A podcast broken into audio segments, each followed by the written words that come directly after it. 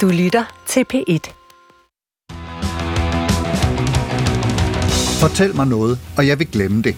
Vis mig en ting, og jeg husker det måske. Giv mig en oplevelse, og jeg glemmer det aldrig.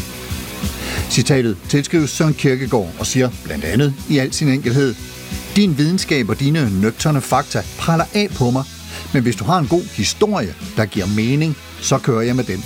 Så er mit sind åbent.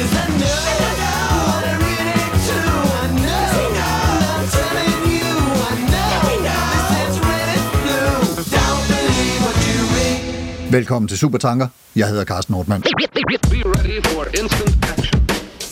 Prepared for anything and everything. Vi lever i en informationstidsalder. Der er stort set ikke den information, som ikke er tilgængelig lige for næsen af os 24-7-365. Og alle kan komme til ord, selv med det mest forvrøvlede, upræcise, usande sludder. Jeg nævner i flæng pædofiliringe i pizzeriakædre.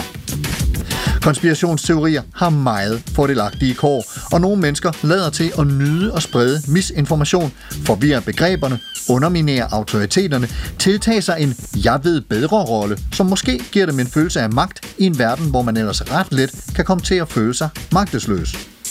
En verden, hvor videnskab og magthavere også hele tiden kommer med udsagn om verdens tilstand, som de opfordrer til, hvis ikke ligefrem dekreterer, at vi retter ind efter.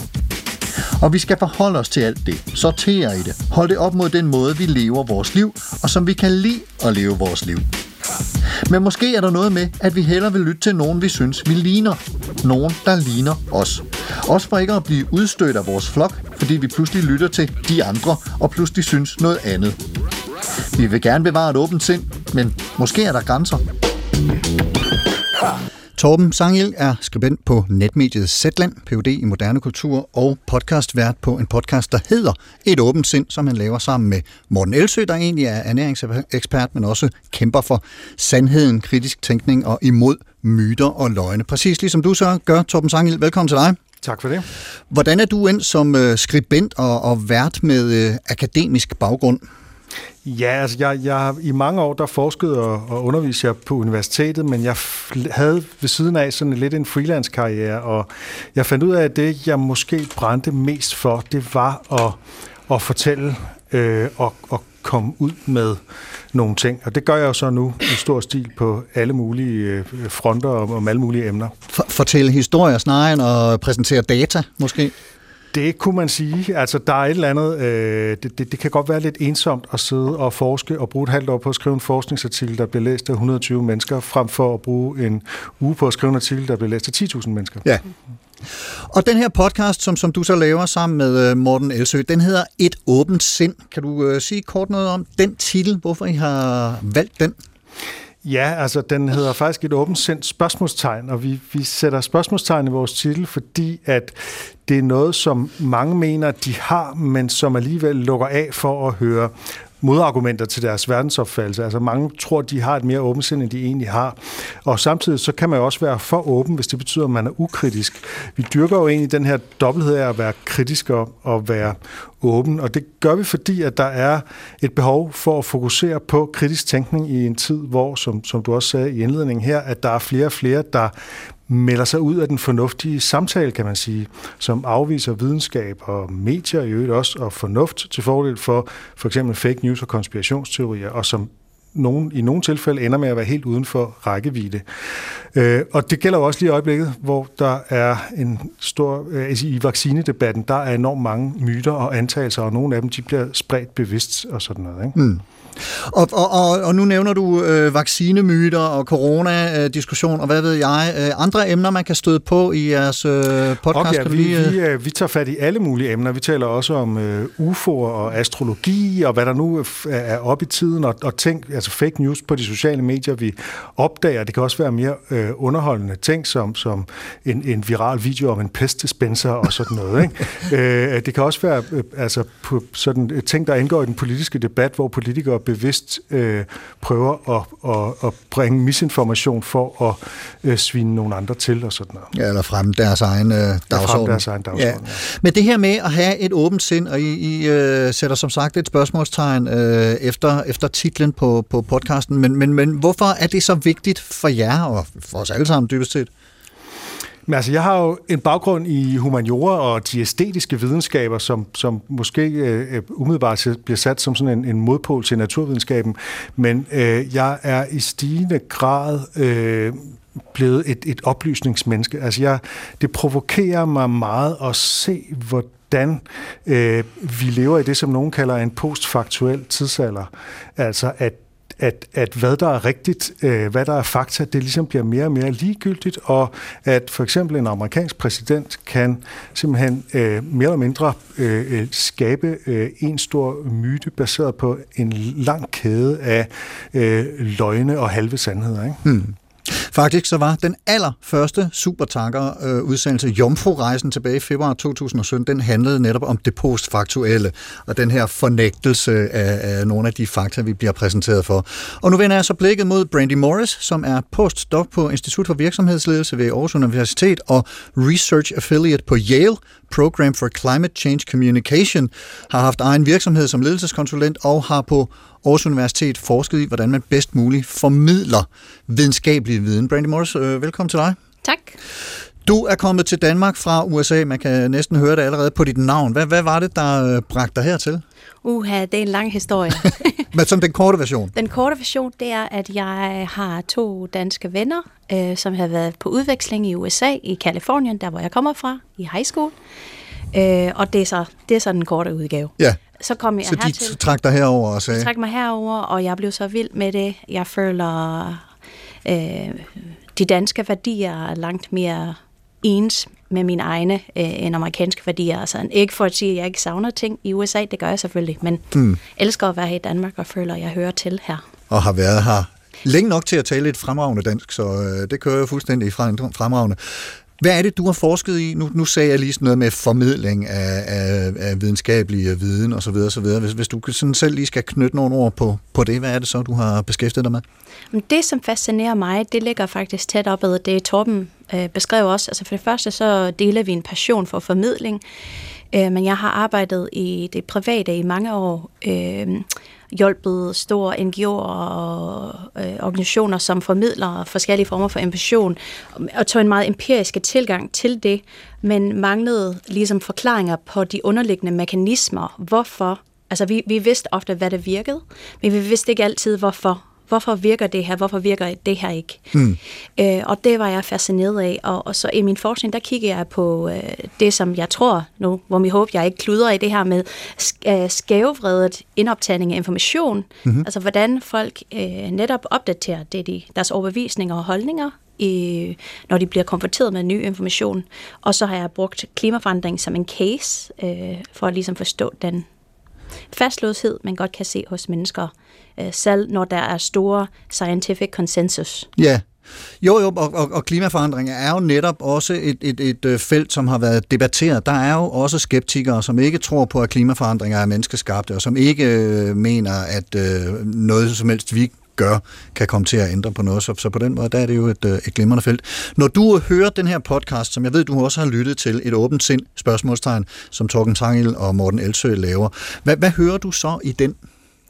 Altså, jeg synes, det er et fremragende øh, podcast. Det er flot lavet, både fordi den formidler noget meget vigtigt øh, faktuel information, men også fordi, at jeg synes, at de mennesker, som står bag det, de fremtræder netop som mennesker.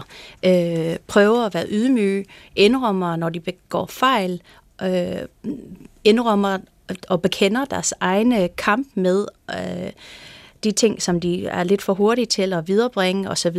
Og det synes jeg er meget vigtigt, at det, det er både faktuelt, og så er der også ligesom nogle øh, afsender, som fremstår troværdige og ydmyge. Du har tillid til dem? Det har jeg. Fremragende.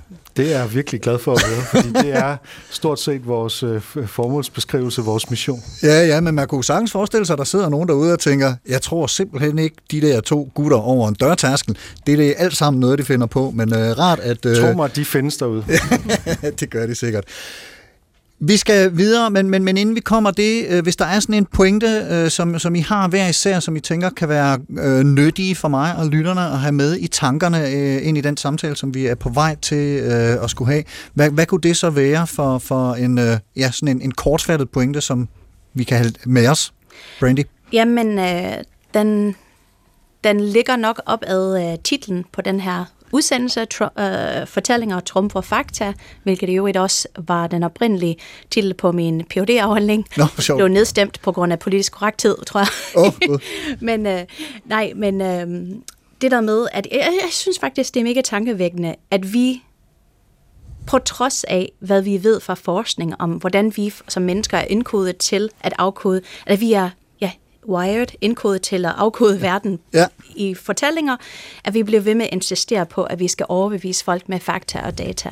Og det, jeg vil hurtigt sige, at det er jo ikke, fordi jeg ikke tror, at det skal være fakt, øh, faktbaseret, faktabaseret, og det, fakt og data, fakta og data er mega vigtige, men jeg synes, det er interessant, at vi på langt hen ad vejen sådan ignorerer, hvor vigtigt det er faktisk at indkode det i troværdige afsender igennem mm. fortællinger. Yes. Og Torben, har du en pointe, vi kan have med os? Ja, det er, at mennesket er mere irrationelt, end vi egentlig selv oplever det. Altså, vi er virkelig... Bryder os om at indrømme. Med, ja, og vores hjerne er utrolig god til hurtigt at orientere os og træffe hurtige beslutninger og sådan noget, men vi er ikke så gode til at være præcise og rationelle og forstå data og sådan noget. Ikke? Og det er derfor, vi så har lavet øh, systemer som videnskabelig metode og kildekritik, og det er derfor, vi skal være bevidste om det, som, som vi kalder for tankefælder i podcasten. Altså, det er sådan nogle biases og fejlslutninger og sådan noget. Ikke? Øhm, øh, så vi skal hele tiden være bevidste om det her. Det er en meget vigtig pointe for mig.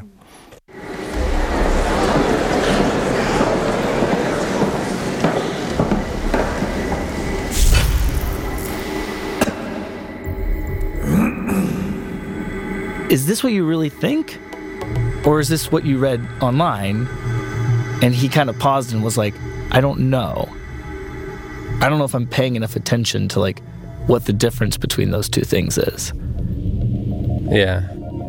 I'm, I'm wondering, like, if you think you're still being manipulated. Er det her noget, du faktisk mener? Eller er det noget, du har læst på nettet? Det ved jeg ikke. Jeg ved ikke, om jeg er helt opmærksom på forskellen. This is a question that I have been just obsessing over for the last several years. How do I tell when I'm being manipulated? Everything goes back to the global cabal. There are so many videos like that. What's real and what's not? It has to be true. Den her ordveksling finder sted i podcasten Rabbit Hole fra New York Times. Du lytter til Et åbent sind med Torben Sangil og Morten Elsø.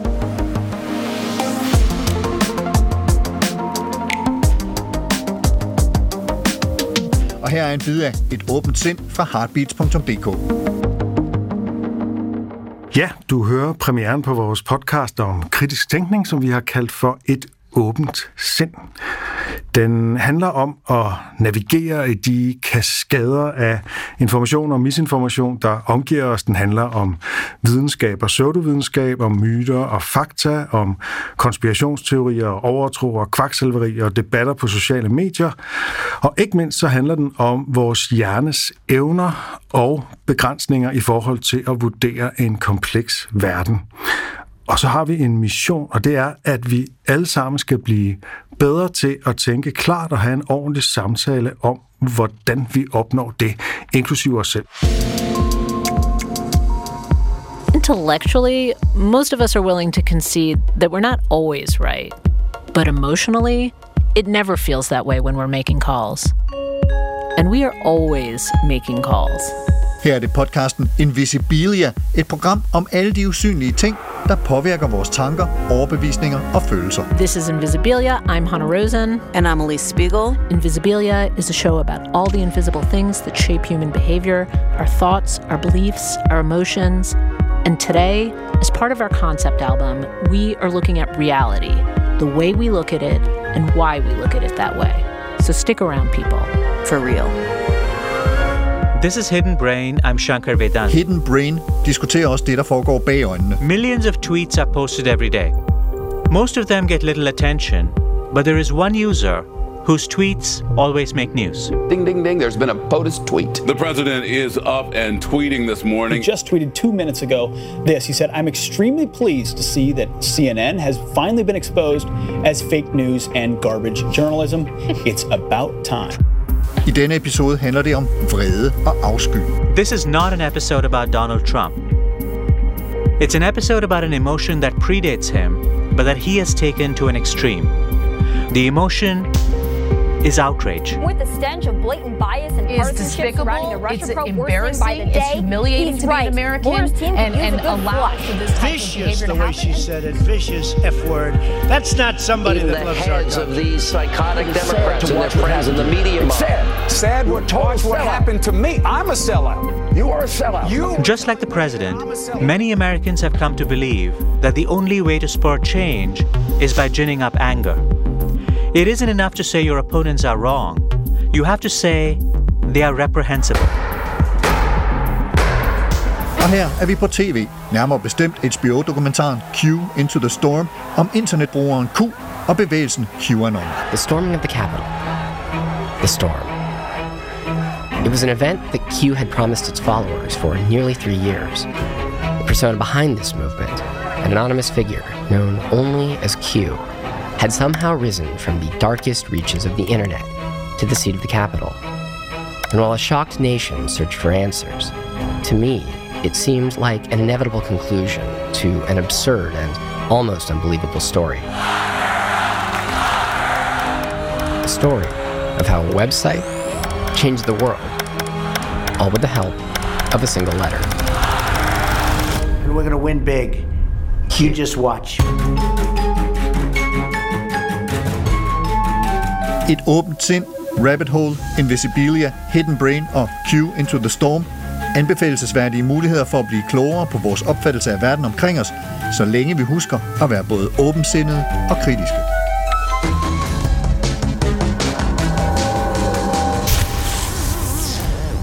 Torben Sangil, podcastvært, skribent og Ph.D., og du laver altså den her podcast Et åbent sind sammen med Morten Elsø. Hvis du skal definere, hvad et åbent sind er, og hvad kritisk tænkning er, som I også taler om i, i, i øh, den her podcast, hvordan vil du så gøre det? Og, og strider de to måske logisk imod hinanden, eller hvordan øh, ligger det? Ikke nødvendigvis, men der er selvfølgelig et spændingsfelt. Der er en form for dobbelthed mellem de to. Kritisk tænkning, det er at forholde sig kritisk og systematisk til de informationer, man modtager. Det er at vurdere sandsynligheder, om noget er plausibelt, om noget er troværdigt, når man bliver mødt med alle mulige påstande derude. Ikke? Øh, og så er det samtidig at være bevidst om det, jeg øh, før også kaldt for sine egne tankefælder, øh, så de har en mindre magt over en. Altså man skal ligesom kende sine egne begrænsninger, sine egne tilbøjeligheder til bare for eksempel at ville blive bekræftet i det, som man allerede tror på. Altså anerkende, at man, vi måske har en vis forudindtagethed øh, med det os. har vi øh, alle sammen. Det er ja. vist ret veletableret. øh, et åbent sind, det er jo så øh, nysgerrigt. Det er parat til at ændre opfattelse, hvis der kommer nye informationer af høj troværdighed og plausibilitet. Ikke? Øh, så, så det er vigtigt hele tiden ikke bare at lukke sig om en holdning, og så kun opsøge information, der bekræfter den, men at undersøge kritisk og nysgerrigt, hvad man bliver mødt med derude. Og vi kommer øh, meget mere lidt senere øh, ind på, øh, hvordan vi bevarer et åbent sind, og hvad det er for nogle mekanismer i hjernen, der blokerer det eller åbner for det. Men, men, men lad os lige tage fat i den her, som, som også blev berørt i det båndede indslag her med, at der er utrolig meget misinformation og desinformation, og der er også en skælden mellem de to. Øh, men, men, men, men lad os, hvis vi starter med lige at, at se, hvad, der, hvad forskellen er på de to, misinformation og desinformation, og så prøve at kigge på, hvor, hvorfor der er så meget af det. Altså, øh, det er sådan, øh, det, nogen kan synes, det er en lidt pedantisk skældning, men den er egentlig ret vigtig. Altså, misinformation, det er sådan set bare, at nogen videregiver noget information, der ikke er rigtig. Enten fordi de ikke har taget stilling til, om det er rigtigt eller forkert, eller fordi de faktisk tror, det er rigtigt. Øh, øh, øh, og det, det kan også være, desinformation er sådan set en delmængde af misinformation, men desinformation er øh, bevidst spredning af øh, falske fakta. Og det er noget, som vi ser meget i øjeblikket. Fake news er blevet sådan et begreb, der også er blevet misbrugt og alt muligt andet, men øh, øh, konspirationsteorier, vaccinemyter og sådan noget, bliver det mere og mere klart, at der sidder nogen og systematisk øh, fabrikerer og spreder, øh, og de har sådan set også øh, tit nogle øh, klare interesser i at forplumre det hele. Og hvad er det for nogle interesser? Altså, hvad, ja, hvad det er, er deres Altså, nu har, vi, nu har du været inde på QAnon, som er, som er måske den største svøbe i vores tid, øh, efter min mening, og, og det er meget uklart, hvad Q's øh, dagsorden egentlig er, hvis overhovedet nogen andet end måske at simpelthen bare se, hvor, hvor langt man kan trække en eller anden fuldstændig vanvittig historie om verden. Ikke? Det, det virker øh, som sådan et power trip på en eller anden måde, en, en magtdemonstration. Jamen, det er jo bare begyndt som en eller anden bruger på et, øh, et socialt medie, og så ja. er det ligesom bare vokset til en gigantisk øh, metakonspirationsteori, der kan opsuge alle andre konspirationsteorier i sig og gøre øh, Donald Trump til, til decideret en messias. Det, det er også en, en religiøs bevægelse på den måde. Øh, men det, det, det, det, det kunne jeg tale længere om, det skal jeg nok lade være med. øh, øh, vaccinemyter bliver jo selvfølgelig spredt af nogen, som er imod vacciner, og som, øh, men man, altså man, der er lige lavet en rapport, der viser, at der er 12 personer, som står for størstedelen af de vaccinemyter, der bliver spredt, altså falske vaccinemyter, der bliver spredt. Samtlige som, myter udgår fra 12? Ja, på de sociale medier. Wow. Øh, og det øh, er ikke samtlige, et flertal, øh, størstedelen, ja, okay. ikke? Nogen, nogen er 60 procent. Øh, men, og, og de gør det sådan, de, de fabrikerer dem nærmest på samlebånd, og de har mange penge bag sig og sådan noget. Så der er sådan en, en interesse i, simpelthen fordi man bare er imod de der vacciner, eller hvad, hvilken dagsorden man nu har. Det kan man jo kun spekulere om, hvad motivationen er. Men i hvert fald er det desinformation. Det er simpelthen den her bevidste spredning af myter, som for længst er blevet tilbagevist. Men er det det her totale virvar af, af information, som siger det ene og det andet og, og modsiger hinanden, der, der gør, at, at det bliver svært at bevare et åbent sind, fordi man er sådan, jeg ved nærmest ikke, hvad jeg skal tro på længere. De her over siger en ting, og de her over siger noget andet. Er, er det det, der er, hvad skal man sige, er den store hindring for, at vi kan bevare det her åbne sind, som, som I taler om i jeres podcast? Ja, og, og det er jo også det, som, øh, som øh, jeg tror, vi, vi kommer til lige om lidt, nemlig at det er, det er meget komplekst det her, og derfor så kræver det, at man sætter sin tankevirksomhed ned i tempo. Man skal faktisk øh, tænke langsomt, stop op, når man møder noget, som er lidt mærkeligt, og så ikke bare sådan tage til sin umiddelbare øh, mavereaktion. Øh, altså mavefornemmelsen er virkelig, har virkelig øh, øh, store kår, ikke? Altså mange siger, du skal bare lytte til din mavefornemmelse, men det skal man sgu ikke altid. Nogle gange, så skal man faktisk læne sig tilbage, tænke sig om, analysere, tjekke, gøre alle mulige ting, der tager tid, i stedet for bare at lade sig påvirke. Mm. Jeg kan faktisk huske tilbage i folkeskolen, tror jeg, vi havde et forløb om kildekritik, som det øh, hed dengang. Åh, det ville jeg ønske var et fast fag i folkeskolen. Ja, ja det kan man godt ønske sig. Brandy Morris, øh, for dig at se, hvad er det så, der gør det vigtigt at bevare det her åbne sind, og for eksempel også have tillid til nogle af de øh, sådan traditionelle institutioner, det være som medier eller videnskabsinstitutioner, som, som folk har det med et eller andet sted at fornægte, hvis deres mavefornemmelse siger dem noget andet. Hvor, hvor, hvor, hvad, hvad er det, der gør det vigtigt at, at bevare den her kritiske tænkning og det åbne sind? Jamen, vi, kan, vi skal ikke se særlig langt tilbage i historie for at øh, forstå, hvorfor det er så vigtigt at, at bevare et åbent sind, og også forholde sig kritisk til sine egne holdninger og overbevisninger. Øh, det er meget farligt at bare øh, følge øh, det, nogen siger, fordi, altså jeg vil også sige, jeg synes også, det er mega vigtigt at forholde sig kritisk, også til, hvad myndighederne siger. Det er det, fordi øh, alle har en dagsorden, øh, men det betyder ikke, at den er skumle, og vi skal passe på med, med at antage, hvad det er. Øh, det er altså, jeg selvfølgelig fuldstændig enig i, vil jeg bare lige sige. Det er vigtigt ja, ja, at forholde sig ja, kritisk det, til myndighederne. Ja, selvfølgelig. Det, det ved jeg. Øh, og jeg er enig med Torben i, at nok den, den allervigtigste kvalitet ved et åbent sind, det er nysgerrighed.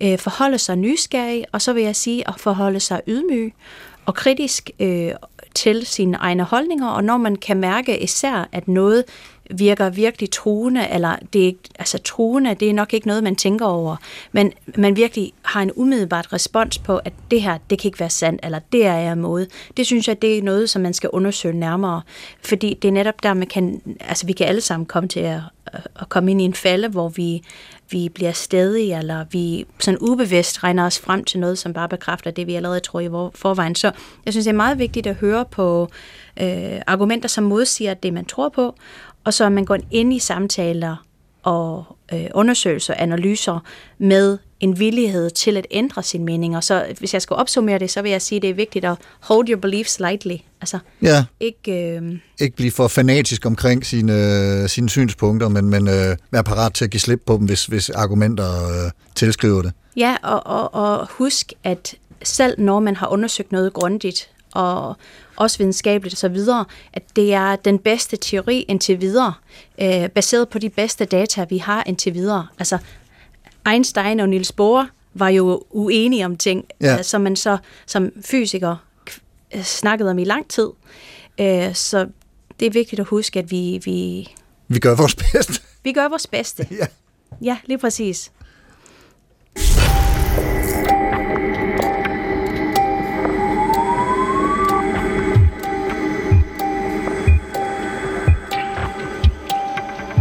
Tilbage i april 2021 havde tre kloge mennesker en samtale, som man kan se og høre på YouTube.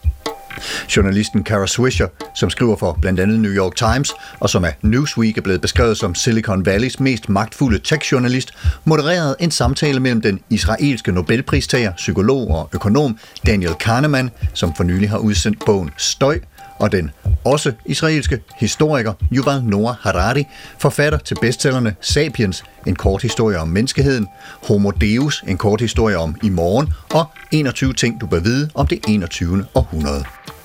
De kom blandt andet ind på, hvad vi bliver overbevist af, og hvordan. Ah, I think the situation is bad, but it's probably better than almost any time in the last thousands of years. Her hører vi først Harari tale om, at ja, det står skidt til med, hvad folk tror og mistænker, men det er helt klart bedre i dag, end på noget tidspunkt i løbet af de seneste tusind år. Just look 100 years back to Nazism and fascism and communism, and they could spread disinformation and conspiracy theories and brainwash people on a massive scale with even worse theories and stories than, than you see today, extremely successfully without Twitter and Facebook and social media. You go a thousand years or hundreds of years previously, and like you mentioned, the, the, the, the, the whole witch hunting mm-hmm. craze. That it's the result to a large extent in Europe and in uh, the, the British colonies, like in Massachusetts, is the result of print. Bare i det 20. århundrede, hvor det lykkedes nazister, fascister og kommunister at sprede desinformation og konspirationsteorier og hjernevaske enormt mange mennesker med endnu ringere historier end dem, vi ser i dag, og helt uden Twitter og Facebook. Og for 1000 eller 500 år siden havde vi heksejagtene, som var næret af print. Mange tror, at da Gutenberg opfandt bogtrykken, så fik man en videnskabelig revolution, hvor alle læste Galilei og Copernicus, men langt de fleste læste Bibelen og en masse tåbelige konspirationsteorier om hekse. Heriblandt en gør-det-selv-bog om at identificere hekse og slå dem ihjel. It was a do-it-yourself guide how to identify and kill witches, which is something everybody needs at home, of course. Og når man havde læst det i en bog, så måtte det være rigtigt, og resultatet var, at tusindvis af især kvinder blev dræbt på horrible måder. Hovedproblemet er, understreger Harari, at sandheden ofte er mere kompliceret end en god historie, som nogen har fundet på, og at den ofte gør ondt. Meget ondt. The key problem is that the truth is very often first complicated, much more complicated than some fanciful story somebody invents. And secondly, that it's very painful. Most people don't want to know the truth about themselves No. as individuals or as collectives. Og han fortsætter med, at en politiker, som fortæller sandheden, hele sandheden og intet andet end sandheden, er dømt til at tabe valget. Menneskers overlevelse er afhængig af samarbejde, og det er simpelthen nemmere at få folk til at samarbejde ved hjælp af en god historie, end ved hjælp af smertefulde fakta. The basis for human success is not the truth, it's cooperation. And it's easier to cause people to cooperate with a fiction than it is with the, with the truth. Because the fiction can be made much easier and much more likable than the truth. So, mostly in history, you don't see a correlation between the truth of a theory and its political appeal. There is a basic principle of the way the mind works. Her tager Daniel Kahneman over og fortæller, at en basal mekanisme i hjernen er behovet for fortællinger, der hænger sammen, er koherente, giver mening. Sammenhængende historier overtrumfer sandheden.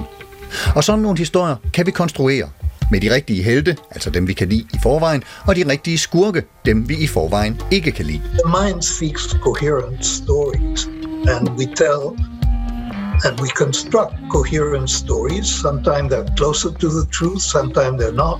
What determines our confidence in the theories is not whether they're true or not, it's whether they're coherent or not. You have to have the right heroes, the people that you already like, and you have to to have the right villains, the people you already hate.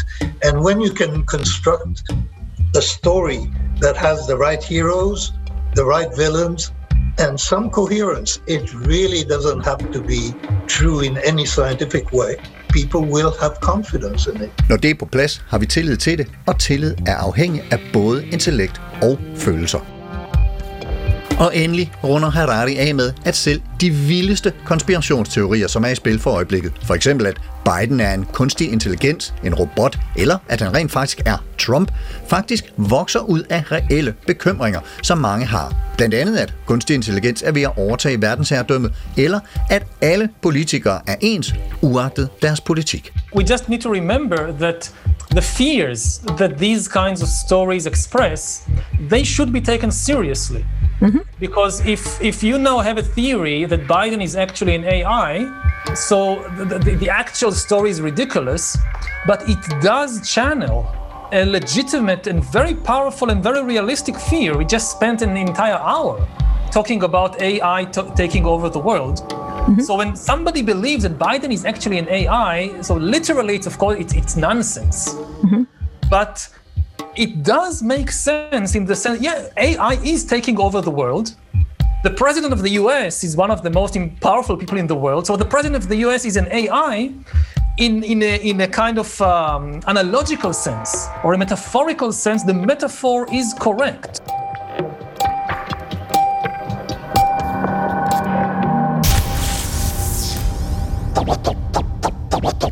Would you mind saying that again? Vi er skeptiske, uenige, kritiske, og det er godt. Vi skal bevare kritisk tænkning, især i en verden, hvor der er så meget information, som der er hele tiden, og hvor noget af det er åbenlyst forkert vildledende, men hvor nogle forklaringer til synlædende hænger bedre sammen med vores verdensbillede, end dem, der kommer fra officielt hold. Så hvordan bevarer vi et åbent sind, hvor vi undersøger, hvad der er på spil, og hvordan orienterer vi os i alle de mange udsagn, uden at det hele kører af sporet? Torben Sangel, du og din øh, medvært Morten Elsø på podcasten Et Åbent Ting har begge to øh, akademisk baggrund med dertil hørende metode- og, og analyseapparater. Du har så arbejdet som formidler, altså journalist i en årrække, og har også en værktøjskasse derfra. Hvis du skal prøve at, at, at opregne nogle af de forgangsfolk, øh, I har, altså tænkere og praktikere, som I læner jer op af i jeres arbejde med, med det her, hvem, hvem øh, kunne du så bringe på banen? Ja, der er jeg jo lidt spøjs på den måde, at, at jeg kommer fra øh, de æstetiske videnskaber, og, og sådan de filosofer, jeg sådan har beskæftiget mig meget med, det er jo sådan fænomenologi og hermeneutik og, og øh, øh, Frankfurterskole og sådan noget, ikke? Adorno og det ene og det andet. Ja. Øh, og det er jo noget lidt andet, selvom at det stadig øh, sådan set påvirker mig. Så, så i den her sammenhæng, der er det sådan mere eklektisk. Der er ikke sådan, at selvfølgelig er der Kahneman, som vi lige hørte i indslaget her, som jo har gjort meget for at udbrede vores viden om de her øh, tankefælder. Ikke? Øh, men egentlig så er, er altså kritisk tænkning, det er, øh, det er ikke på den måde noget, jeg har opsnappet fra en bestemt filosof helt, som jeg har læst grundigt. Det er, det er mere sådan en, en tankegang, som, som viser sig alle mulige steder som, som en mulighed, og, og nogle steder faktisk som en nødvendighed. Men med blandt andre, øh, Kahneman i, i hånden, ved jeg, at, at du har øh, læst dig lidt ind på det her begreb kognitiv psykologi, som er sådan et, øh, et en, en, faktisk en nyere måde at beskrive øh, psykologi på. Kunne, kunne du prøve lige at sige, hvad det er? Altså kognitiv psykologi er sådan det systematiske studie af måden hele vores erkendelse fungerer, altså tanker og følelser og perception øh, og sammenhængen imellem dem.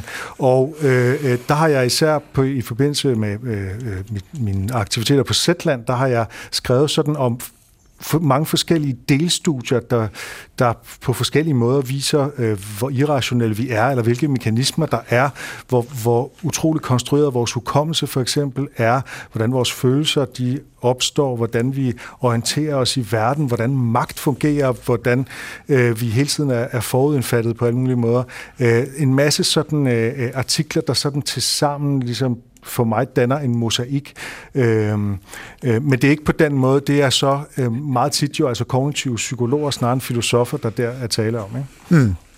Og så er der noget med, øh, som, som, som du og jeg talte om også i, i øh, forberedelsen til udsendelsen her, med hvorvidt man lytter til argumentet, eller om man lytter til personen. Altså hvad det er, der styrer ens hvad skal man sige, villighed til at, at øh, ændre overbevisning. Hvis man synes, øh, at det kan godt være, at øh, vedkommende argumenterer øh, dygtigt eller fornuftigt, men jeg synes, at øh, vedkommende er en idiot eller usympatisk, eller hvad det måtte være, så, så, øh, så, så griber det også forstyrrende ind i vores evne til at og, øh, ja, ændre opfattelse.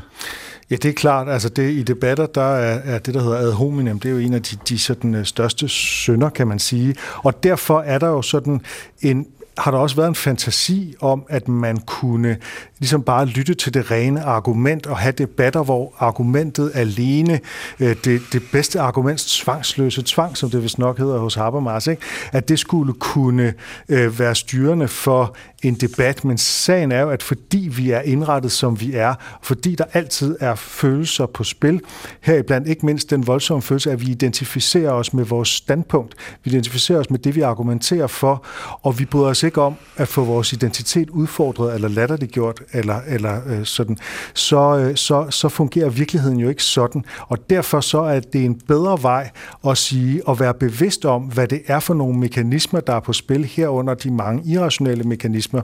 Øhm, og så selvfølgelig stadig prøve at have argumentet i højsædet, bare uden en idé om, at man bare kan skralde alt andet væk, og så bare have det nøgne argument, og så bliver alle overbevist, for det bliver de ikke. Og det er derfor, øh, øh at, at vi må have, som Brandy også øh, øh, jo slår til lyd for, må have fortællinger ind i det, og ligesom respektere, at vi forstår gennem fortællinger. Hmm.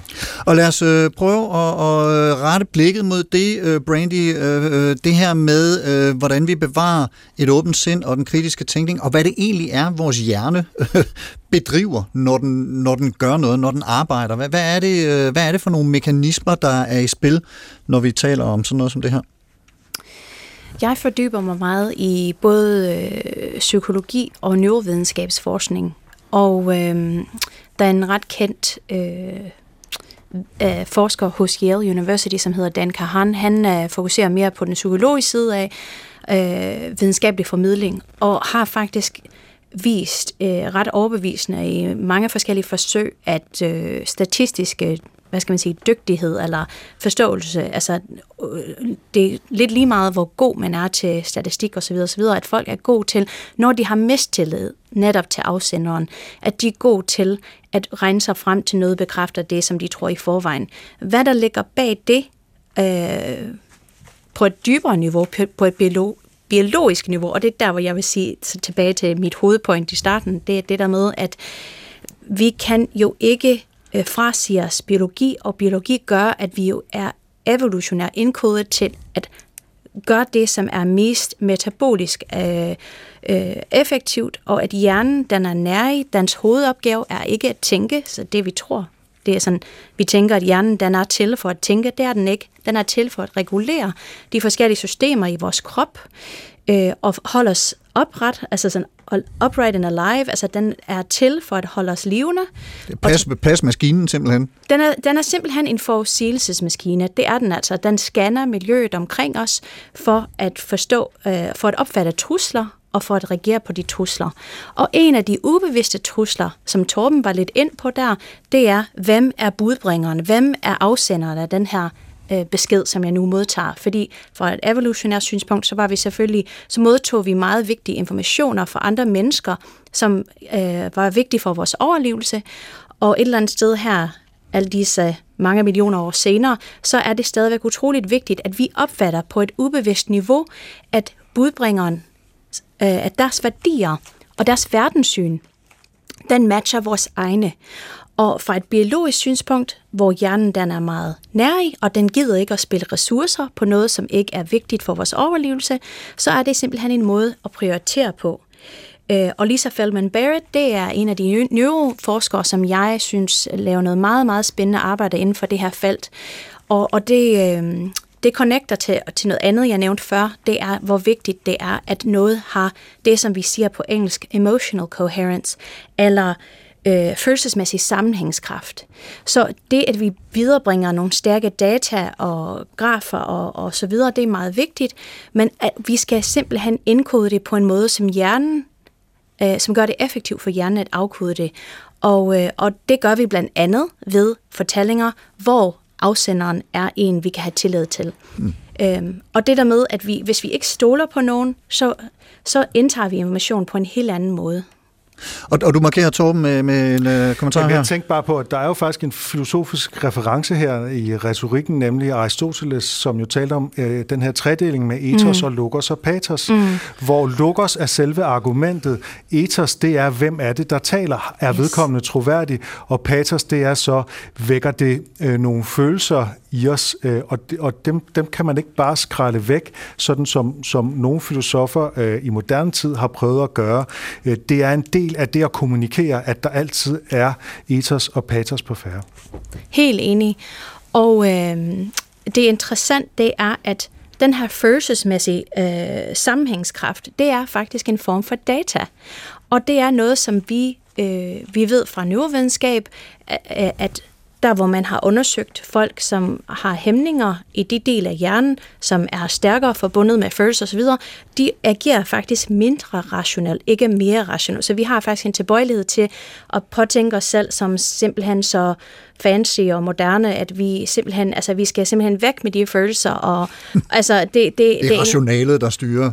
Ja, ja. Og, og, og det skal vi simpelthen, vi bliver nødt til at anerkende, der er en biologisk virkelighed, som hedder, at det, som vækker følelser, også bliver fra et øh, hvad hedder det, opmærksomhedssynspunkt for hjernen, jeg ved ikke, attentional constraints, altså vil vi sige på engelsk. Altså, ja, opmærksomhedsforhindringer eller begrænsninger. Ja, ja, at det er vigtigt, at at det er en vigtig form for data, og hvad er det så, som vækker de følelser? Og det kan vildlede os, det kan de, og de, de kan også være med til at, at prioritere blandt mange forskellige informationer, som vi, vi, prior, som vi som konkurrerer for vores opmærksomhed.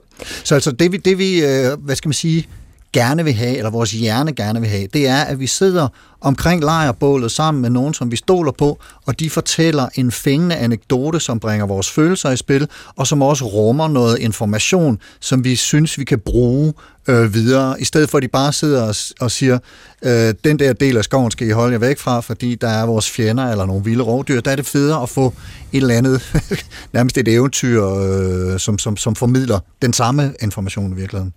Ja, altså det man kan sige, det er også, det er også altså, der er forskellige øh, Øh, elementer i fortællinger, som betyder noget, men budbringeren, afsenderne i hvert fald noget af det vigtigste. Og det man kan sige, for eksempel i USA, hvor man sidder her i Danmark og tænker, det er totalt hul i hovedet, hvordan kan det være sådan?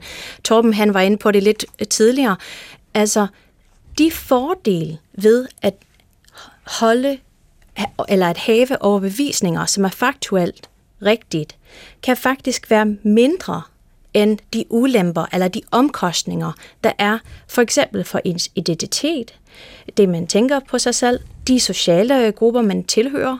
Øh, hvis det koster ens øh, nærmeste relationer at opdatere ens overbevisninger og holdninger, så på en ubevidst måde, så netop så regner, så regner kan hjernen beregne frem til, at det jo ikke det værd. Øh, og jeg vil sige lige præcis det der med tillid og for eksempel mistillid til institutioner, der synes jeg faktisk meget af det, man ser med vacciner og corona og alt det her, man ser med klimaforandring i USA, det, det er der selvfølgelig mange forskellige forklaringer på, men en af dem er helt sikkert, at mistillid, offentlig social mistillid til, til institutioner har været lav siden Watergate, og tankevækkende er det også, at øh, mennesker, altså under at tillid, det hører til aldersgrupper, eller undskyld, det, det forholder sig sådan, det varierer øh, ud over aldersgrupper.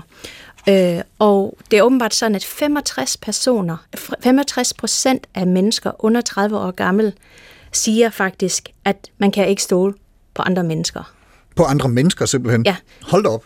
Ja, og man, det, man, det man ved, det er, at at ens holdninger om sådan et generelt sådan tilstand omkring, at, øh, hvad man kan stole på, det formeres sådan cirka omkring det, op til de der 30 år, og det er noget, som sådan langt hen ad vejen følger en resten af livet. Og det er en amerikansk statistik, altså de her 65 procent ja. af ja. dem, der er yngre end 30. Torben, du har en kommentar? Det er i forlængelse af det, Brandit siger om, om fortællinger. Vi kan godt lide øh, fortællinger, der har sådan simple, eventyragtige øh, karakterer. Der er nogle gode, der er nogle onde. Der er, de, de, der er sådan en simpel magtudøvelse, der altid fungerer. I virkeligheden så er det hele jo snavset. Det er fuld af fejl. Det er meget, meget komplekst. Mm. Der er alt mulige øh, folk, de, de prøver sig frem, inklusive vores politikere, der prøver sig frem i en coronatid, og fejler indimellem, og fejler stort med for eksempel minkskandalen i Danmark. Ikke? Mm. Øhm, og, og det er ligesom, det, det, er, det, det, det er, det, den fortælling er bare ikke lige så god som fortælling om, at der er en plan, og den plan den bliver udført til perfektion, øh, og den er ond, og, mm. og, og der er nogle helte, og det er nogen, der, der, der, der øh, laver en video på YouTube og afslører det hele. Ikke? Som, som Kahneman siger, der er nogle helte, som er dem, vi kan lide i forvejen, og så er der nogle skurke, som er dem, vi i forvejen ikke bryder os om. Ja. Vi skal lige øh, binde sløjfe på, på den her del af samtalen omkring øh, Lisa Feldman Barrett, som har øh, skrevet, så vidt jeg er orienteret, to bøger. Den ene, How Emotions Are Made, altså hvordan følelser opstår eller bliver lavet, og så en, der hedder A Sense of Should, altså en, en, øh, en, en, en sans for burden, eller øh, kan vi lige øh, spænde en ende over, over Feldman Barrett ganske kort, inden vi går videre? Den sidste nævnte, øh, den var ikke en bog, det er en artikel, som ah. hedder A Sense of Should, og det er en meget overbevisende og interessant stykke forskning, som viser, at social conformity, altså at gøre det, som andre forventer i en, er faktisk også den, den mindst energi- og ressourcekrævende øh, handlingsform. Så der, hvor hjernen øh, prøver at beregne sit ressourceforbrug, der er det en god øh, strategi. Lige præcis. Ja. Og så kan man sige, at øh, altså, den, hendes anden bog, den hedder Seven and, a half, Seven and a Half Truths About the Brain. Den er netop lige udgivet. Men det er meget vigtigt at forstå, hvordan følelser bliver til, og at de er en vigtig signal fra hjernen, at vi skal handle på noget, Øh, og det hører så med til det, som Torben nævnte med både øh, fortællinger og de fortællinger, vi godt kan lide, og så synes jeg også, det hører til det, du havde før øh, tidligere, Karsten, med Yuval Harari, hvor han sagde, at sandheden er ofte både kompliceret og smertefuld. Ja. Og det er svært for os at indrømme, øh, og det er svært for os at indse. Og det, og det bryder hjernen i hele dens øh, metabolske udregningsproces, der sikkert heller ikke om, at uh, skal til at beskæftige sig med smerte på den måde, der. At lære, det er jo dyrt fra et energiressourceperspektiv, det er dyrt at skulle lære noget nyt, at opdatere overbevisninger og tro. Det er meget nemmere øh, og mindre omkostningsbetungt øh, at bare beholde fast i det, man allerede tror i forvejen.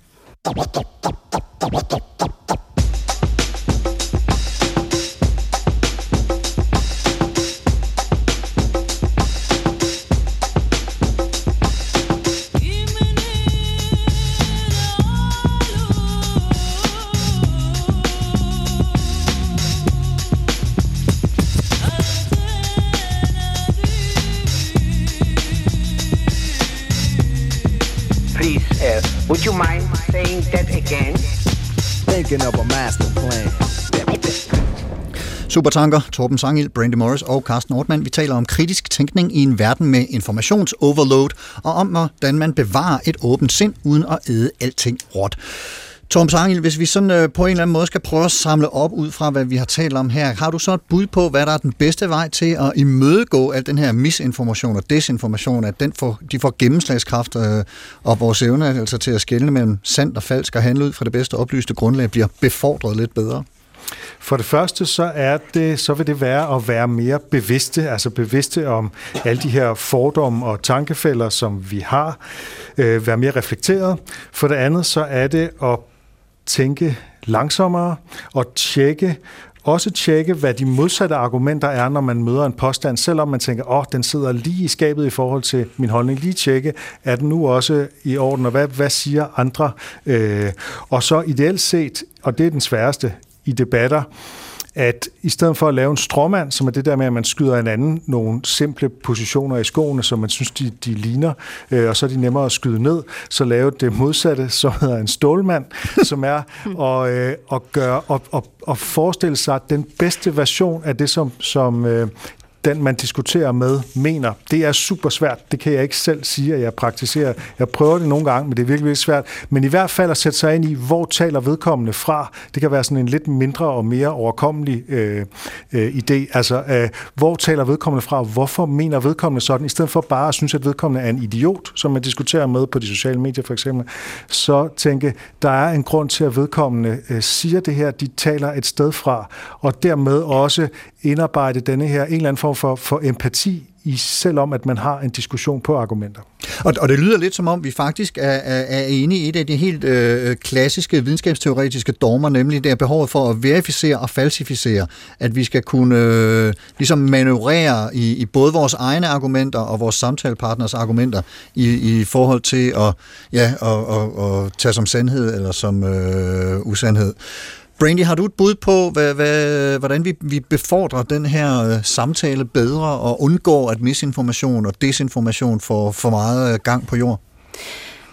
Jeg tror, Torben har sagt det så flot, at der er ikke så meget at tilføje, udover at jeg synes, det der med at virkelig lytte til andre mennesker og vise dem øh, både empati, men også at fortsat med de svære samtaler. En af de mest uheldige udviklinger i USA, synes jeg, det er, at folk er holdt op med at tale. Altså, det, man ser selvfølgelig i nyheder, at man råber af hinanden osv. osv., mm. men jeg kan godt fortælle dig, i min egen familie, hvor der er nogle medlemmer, som faktisk er med til at videreføre de her konspirationsteorier, når man så prøver at holde nogle venlige og empatiske samtaler omkring det, så lukker de helt ned og siger bare sådan, du ved, det er bare en personlig overbevisning. Øh, eller det er ikke noget, vi skal snakke om, når vi nu er uenige. Ja, vi skal snakke. Øh, det er lidt ligesom, hvad, hvad er det ham, som er vært for debatten? Jeg elsker den program i... i Ja, han siger altid, jo mere uenige, jo bedre skal vi holde, jo mere venlig skal vi holde tonen, eller hvad man skal sige. Så bliv ja. ved med at snakke om tingene, selvom man er uenig. Bare gør det på en ordentlig måde. Det lyder næsten som et eksempel fra en af jeres udsendelser, Torben, hvor, hvor der er en lytter, der skriver om uh, sin mor, og der er konspirationsteoretikere, og han ved ikke, hvad han skal stille Ja, vi prøver at give nogle gode råd til, hvordan man kan tale med en nærtstående person, der er fuldstændig uh, sådan fanatisk konspirationsteoretiker og, og uden for almindelig dialog. Han har faktisk afbrudt simpelthen kontakten til sin egen mor, hvilket jo er en, en, en, en tragedie. Ja. Og det, det, der, der er empati faktisk et nøgleord i den dialog. Ja, og, og det du sagde, Torben, tidligere med at virkelig tænke på, at det her det udspringer af et behov, et eller andet behov. Ligesom vi har alle sammen behov for at være dygtige og troværdige og alle disse ting.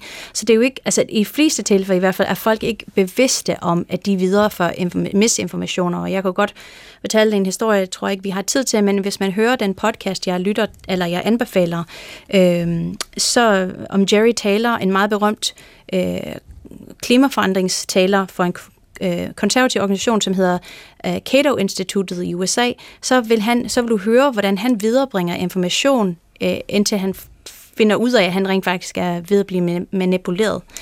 Øh, meget berømt øh, klimaforandrings... Altså sådan en, som sår tvivl om... Skeptiker. Han, er, han var en skeptiker, og han er vendt om. Yes.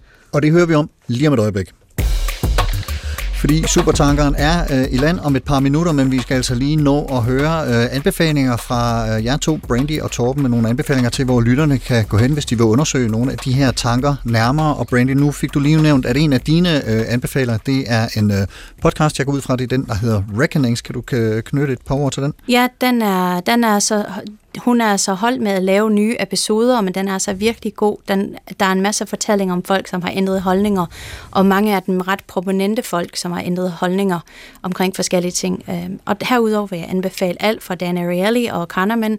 De er meget berømte adfærdsøkonomer, men jeg synes, det er meget tilgængeligt for folk, som måske ikke har lyst til at fordybe sig i forskningsartikler. Øhm, det er i hvert fald virkelig sådan noget, man kan forstå og forholde sig til. Øh. Og, og Kahneman hørte vi jo lige fra, øh, lige kort om øh, Dan Ariely. Hvem er han? Dan Ariely er en meget berømt øh, adfærdsøkonom, som har skrevet blandt andet Predictably Irrational. Øh, den findes garanteret også på dansk, så det vil jeg øh, Det får jeg lige undersøgt. Anbefale. Ja. Og Torben, du har øh, et øh, par anbefalinger, også øh, podcasts ja. og bøger. Jeg vil anbefale bogen You Are Not So Smart af David McCraney, som simpelthen handler om de her tankefælder. Det er simpelthen en lang gennemgang af øh, mange af de øh, mest almindelige tankefælder, eller biases, som, øh, som øh, vi har. Han laver også en podcast, øh, der hedder det samme. Så er der podcasten Skeptics Guide to the Universe, som er en ugentlig, meget nørdet øh, podcast om, om øh, nye nyheder inden for videnskab, videnskab og om kritisk tænkning i det hele taget. De har så også lavet en bog, men der er det altså omvendt, der er det bogen, der så at sige bygger på podcasten. Så det er mine to anbefalinger. Og, og så holder du lige en seddel op til mig her, Brandy, om uh, Lisa Feldman Barrett, som uh, du også gerne vil anbefale gået fra. Jeg vil sige, at det er livsforandrende, hvis man har overskud. Man kan høre det på audiobook, på lydbog. Uh, How Emotions Are Made, det vil virkelig ændre dit billeder uh, af, hvordan følelser er, og hvor meget kontrol vi kan have over dem, og, og ja, hvordan de virker. Og så øh, vil jeg da også lige benytte lejligheden til at anbefale øh, de podcasts, som jeg spillede klip af tidligere i programmet. Ikke mindst Et åbent sind øh, fra Heartbeats.dk, hvor Torben Sangil og Morten Elsø altså er værter, og der er været en 5-6 episoder indtil videre. Af en jeg lille tror, vi har lavet seks, ja. Ja. Så er der den her Hidden Brain øh, øh, og Invisibilia, de to, som øh, begge to handler om nogle af de mekanismer, som vores øh, hjerne er gang i, og så Rabbit Hole fra New York Times.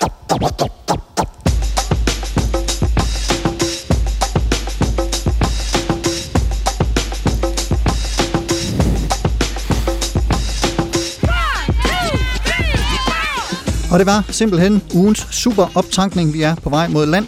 Torben Sangild, podcastvært, skribent for netmediet Zetland og Ph.D. i moderne kultur. Tusind tak, fordi du kom og var med til at udvide vores forståelse af kritisk tænkning og det at have et åbent sind. Selv tak. Og Brandy Morris, postdoc på Institut for Virksomhedsledelse ved Aarhus Universitet og Research Affiliate på Yale. Tusind tak også til dig for at hjælpe mig med at gøre os alle sammen lidt klogere. Selv tak. Og som naturligvis altid øh, mange, mange tak til dig, kære lytter, for at lytte med. Hvis du kan lide det, du hører, så del det med dine venner i håbet om, at de tror på, at du vil dem det godt og bringer sand information til tors. Og man kan jo altid høre og genhøre programmet her i appen DR Lyd. Hvis du har ris, ros eller idéer til programmet eller andet, du gerne vil kommunikere til mig, så skriv en mail til supertanker eller gå ind på Facebook-siden Carsten Ortmann Radio og kommenter der. Der lægger jeg også gæsternes anbefalinger, lidt links og en playliste. Programmet i dag var tilrettelagt af mig. Jeg hedder Carsten Ortmann. Ha' en rigtig god uge og på genhør.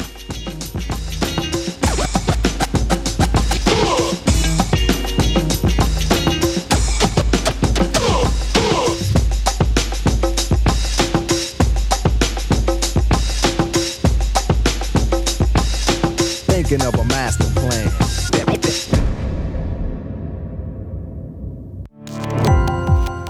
Gå på opdagelse i alle DR's podcast og radioprogrammer. I appen DR Lyd.